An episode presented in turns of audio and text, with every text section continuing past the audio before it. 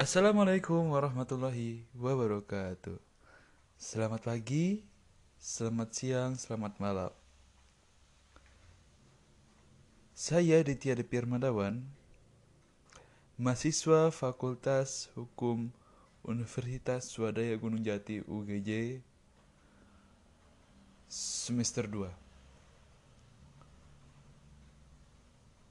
Pada hari ini, saya akan menjelaskan tentang pengertian hukum. Sebenarnya, hukum itu sulit didefinisikan karena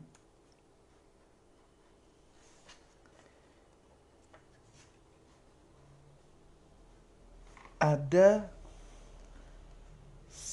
ada kutipan yang dikatakan oleh Immanuel Kant. Kurang lebih 200 tahun yang lalu. Yang berbunyi not suchen de, de juristen English definition the ihram begriff von Recht. Yang artinya masih juga para sarjana hukum mencari-cari suatu definisi tentang hukum Sesungguhnya ucapan Kant tersebut hingga kini masih berlaku. Sebab telah banyak sarjana hukum mencari suatu batasan tentang hukum, namun setiap pembatasan atau definisi tentang hukum yang diperoleh belum pernah memberikan kepuasan. Mengapa sih sulit merumuskan hukum? Hampir semua sarjana hukum memberikan batasan hukum yang berlainan, kata Prof. Van Apeldoorn.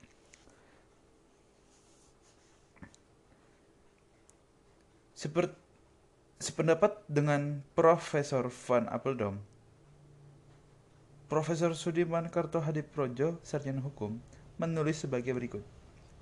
Jika kita menanyakan apakah yang dinamakan hukum, maka kita akan menjumpai tidak adanya persesuaian pendapat. Berbagai perumusanlah yang dikemukakan. Sebagai gambaran, Profesor Sudiman Kartohadiprojo, sarjana hukum, lalu memberikan contoh-contoh tentang definisi hukum yang berbeda-beda sebagai berikut. Yang pertama menurut Aristoteles. Particular law, particular law is that which each community lays down and applies to its own members. Universal law is the law of nature. Yang kedua dari Leon Duguid. Hukum ialah aturan tingkah laku para anggota masyarakat.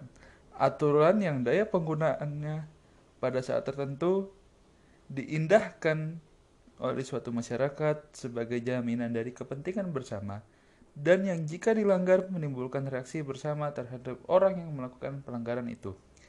Yang ketiga, dari Immanuel Kant, hukum ialah keseluruhan syarat-syarat yang dengan ini kehendak bebas dari orang yang satu dapat menyesuaikan, diri dengan kehendak bebas dari orang yang lain. Menuruti peraturan hukum tentang kemerdekaan. Mengapa sulit merumuskan hukum? Hukum itu sulit untuk diberi definisi yang tepat, karena hukum mempunyai segi dan bentuk yang sangat banyak, sehingga tak mungkin tercakup keseluruhan bagi segi dan bentuk hukum itu di dalam suatu definisi. Seperti kata seorang bekas guru besar Universitas Van Indonesia. Dr. W.L.G. Limeyer dalam bukunya yang berjudul Hatred in Indonesia.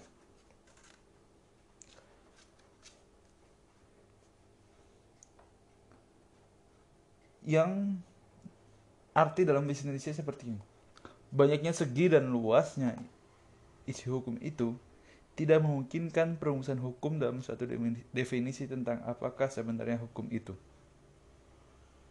Dari kata itu, bisa dirumuskan. Barang siapa yang hendak mengenal sebuah gunung, maka seharusnya ia melihat sendiri gunung itu.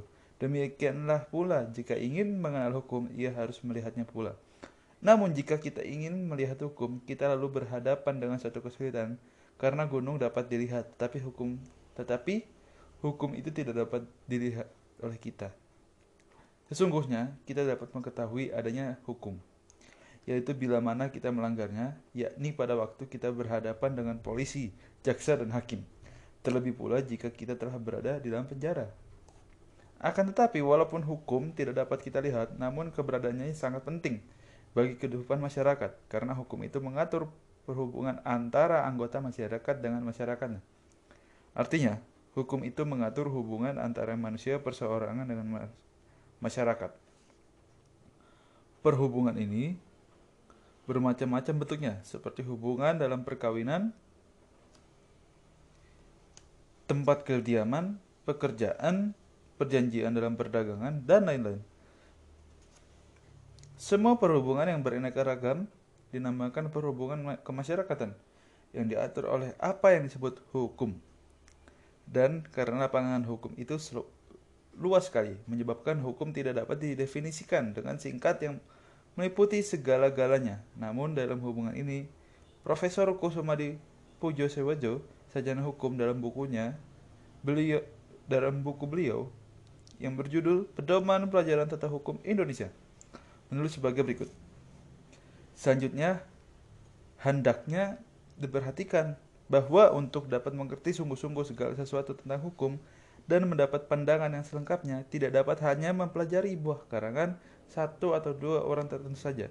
Setiap pengarang hanya mengemukakan segi-segi tertentu sebagaimana dilihat olehnya. Kiranya perlu pula diperhatikan ucapan Profesor Mr. Paul Scolton bahwa siapa yang berkali-kali belajar menimbang pendapat hukum yang satu terhadap pendapat hukum yang lainnya dengan mengisafi bahwa dalam hukum kedua pendapat tersebut ada juga sesuatu yang dapat dibenarkan. Hanya dialah yang dapat menjadi sarjana hukum. Itu saja bisa sampaikan dalam materi kali ini. Jika ingin mengenal lebih hukum lagi, silakan subscribe channel ini. Wabillahi taufiq wal hidayah. Wassalamualaikum warahmatullahi wabarakatuh. Assalamualaikum warahmatullahi wabarakatuh Dengan saya Ditya Devi Armadawan Di Ditya Law Channel Kali ini saya akan menjelaskan tentang Definisi hukum Kemudian sifat-sifat hukum Kemudian unsur-unsur hukum Kemudian ada Mengapa hukum itu diperlukan Kemudian tugas-tugas hukum dan yang terakhir, pembagian hukum. Pertama, kita masuk definisi hukum. Apa itu hukum? Hukum adalah peraturan yang berupa norma dan sanksi yang dibuat untuk mengatur tingkah laku manusia. Dibutuh, hukum itu dibutuhkan pada saat ada dua orang atau lebih di waktu dan tempat yang sama. Untuk apa? untuk mencegah dan menyelesaikan masalah yang ada. Filsuf Romawi kuno yang bernama Silero mengatakan, Ubi soleatas ibius, yang artinya, di mana ada masyarakat, di situ ada hukum. Kemudian, ilmuwan Immanuel Kant mengatakan, sampai detik ini, seorang sarjana atau ilmu hukum masih mencari-cari apa itu definisi hukum. Yang di mana ya, telah sampaikan di episode yang di segmen sebelumnya yaitu di segmen tentang sulitnya membuat definisi hukum. Itu yang namanya definisi hukum. Yang kedua ada sifat-sifat hukum. Apa aja sih sifat-sifat hukum? Sifat-sifat hukum itu adalah uni yang pertama universal apa universal apa yang dimaksud dengan universal Universal itu yang dimaksudkan dengan universal itu adalah tidak memandang bulu dalam menegak hukum. Kemudian ada continue. Apa itu continue?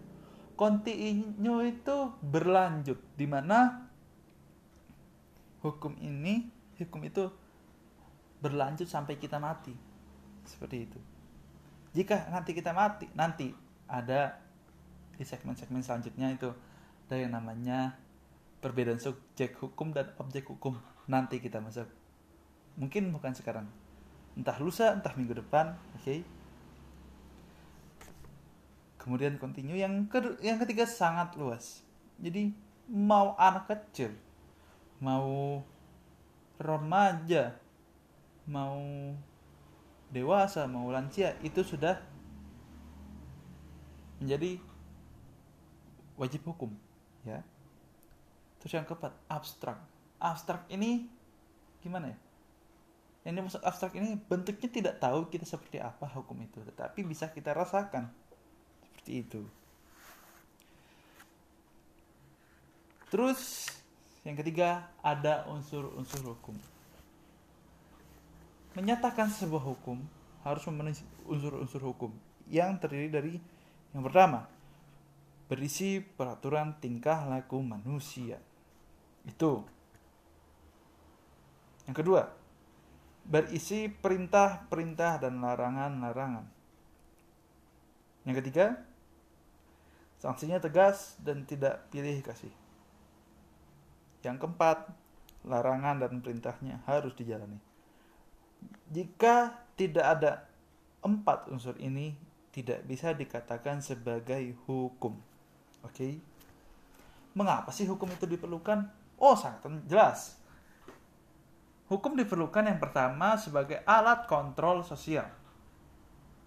Dan yang kedua, hukum diperlukan untuk memelihara keamanan dan mewujudkan sebuah keadilan. Dan yang terakhir,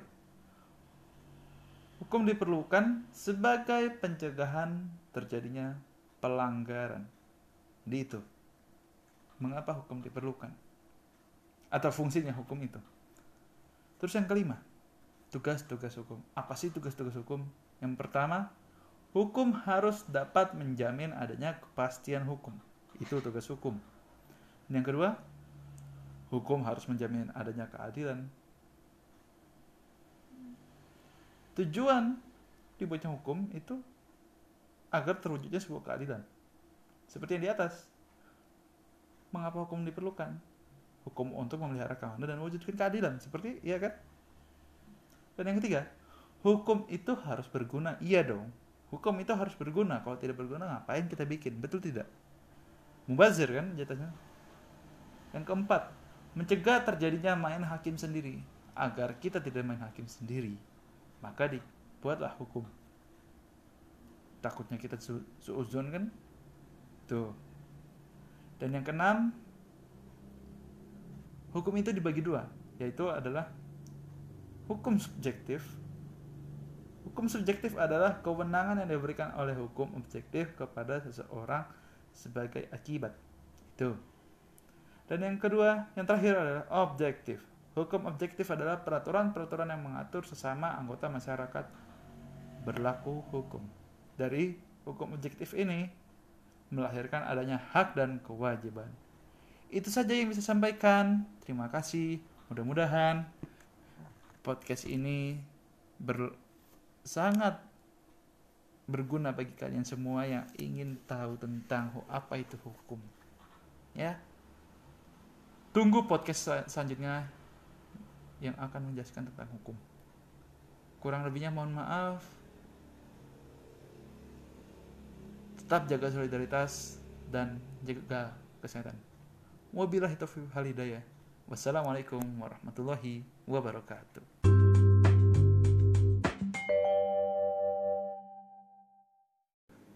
Assalamualaikum warahmatullahi wabarakatuh.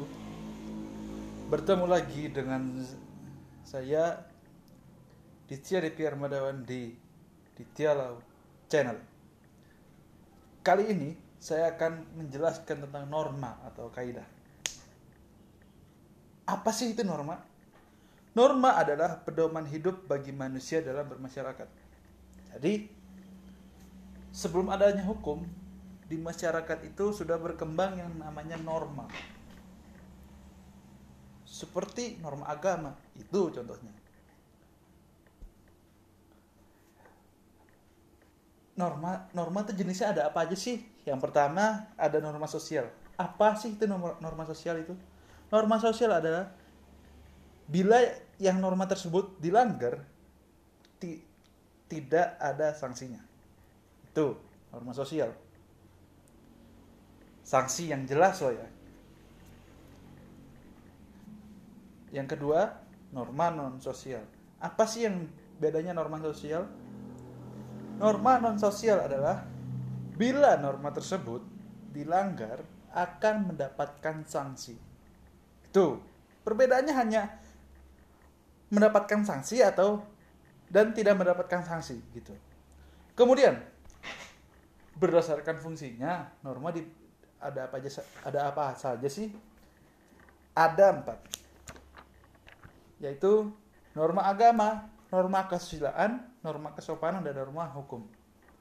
Apa itu norma aga agama? Norma agama adalah petunjuk hidup yang berasal dari Tuhan yang disampaikan melalui utusannya yang berisi perintah, larangan, dan anjuran-anjuran. Itu norma agama.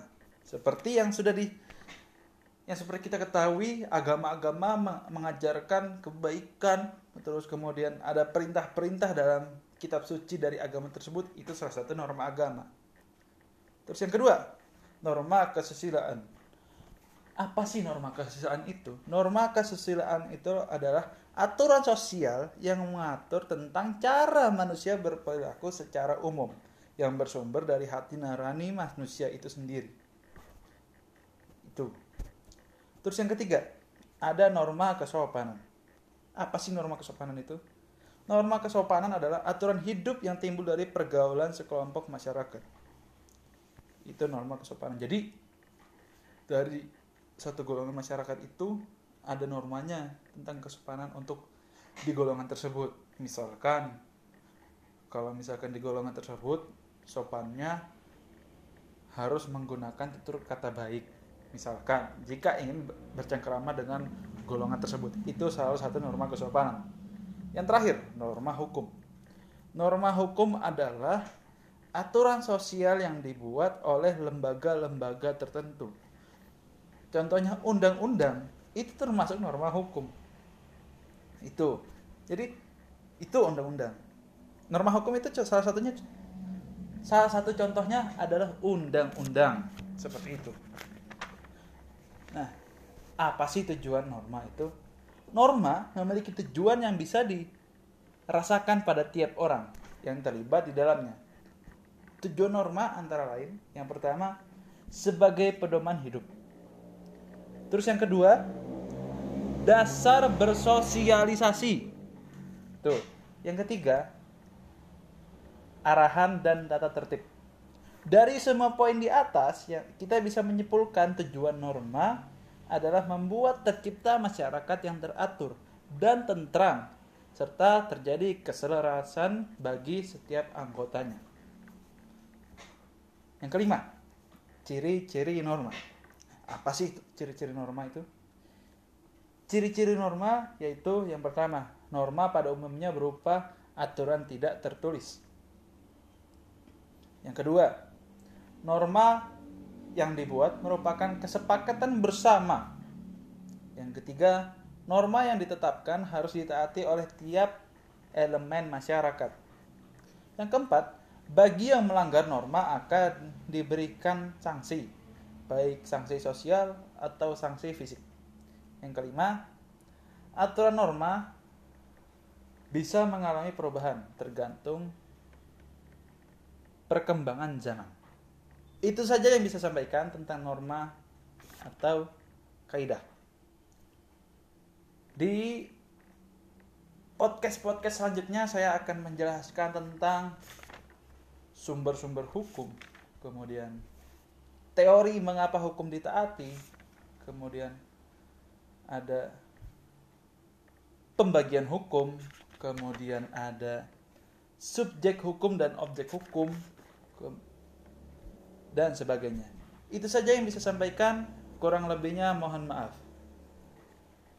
Jika ada pertanyaan atau ingin berkonsultasi tentang hukum, silahkan mengunjungi, mengunjungi Instagram @ditya_suganda.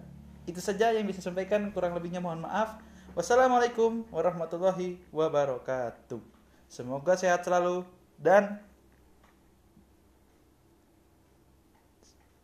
dan saling bers sa- dan saling menghormati sesama.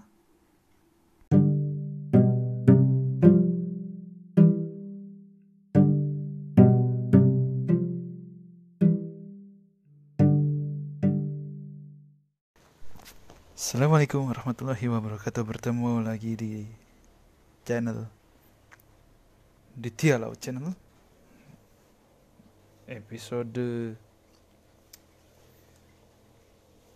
Pengantar ilmu hukum Yang kemarin kita sudah membahas tentang norma atau kaidah Kali ini saya akan menjelaskan tentang sumber hukum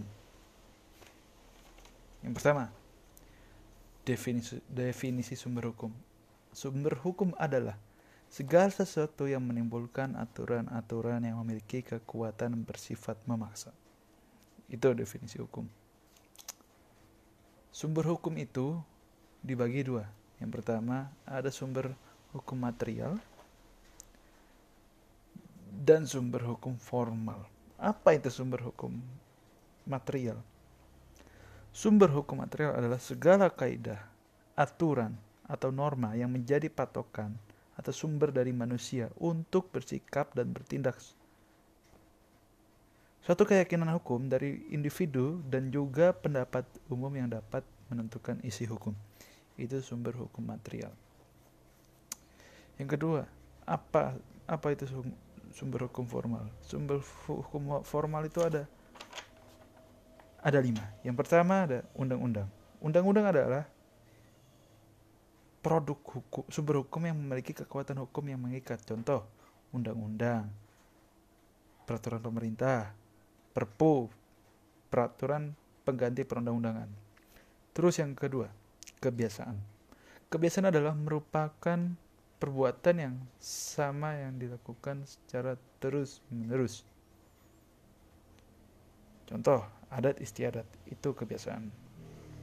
Terus yang ketiga adalah keputusan hakim. Keputusan hakim adalah jenis sumber hukum yang didapatkan dari keputusan yang diambil oleh hakim di masa lalu terhadap suatu perkara. Kalau bahasa hukumnya ini jurisprudensi, itu keputusan hakim. Terus yang keempat ada traktat. Apa itu traktat? Traktat adalah jenis sumber hukum yang berbentuk perjanjian yang dilakukan oleh dua negara atau lebih yang bersifat mengikat negara-negara yang terkait dengan perjanjian. Traktat itu dibedakan menjadi dua yaitu yang saat yang pertama traktat bilateral itu un, untuk dua negara, traktat multilateral itu lebih dari dua negara. Itu. Terus yang terakhir ada pendapat sarjana hukum. Apa itu pendapat sarjana hukum? Sumber hukum ini berupa pendapat dari para ahli dan pakar, khususnya ahli hukum, yang kemudian dijadikan pedoman terhadap asas-asas penting dalam hukum beserta penerapannya. Itu saja yang bisa sampaikan. Kurang lebihnya mohon maaf. Wassalamualaikum warahmatullahi wabarakatuh.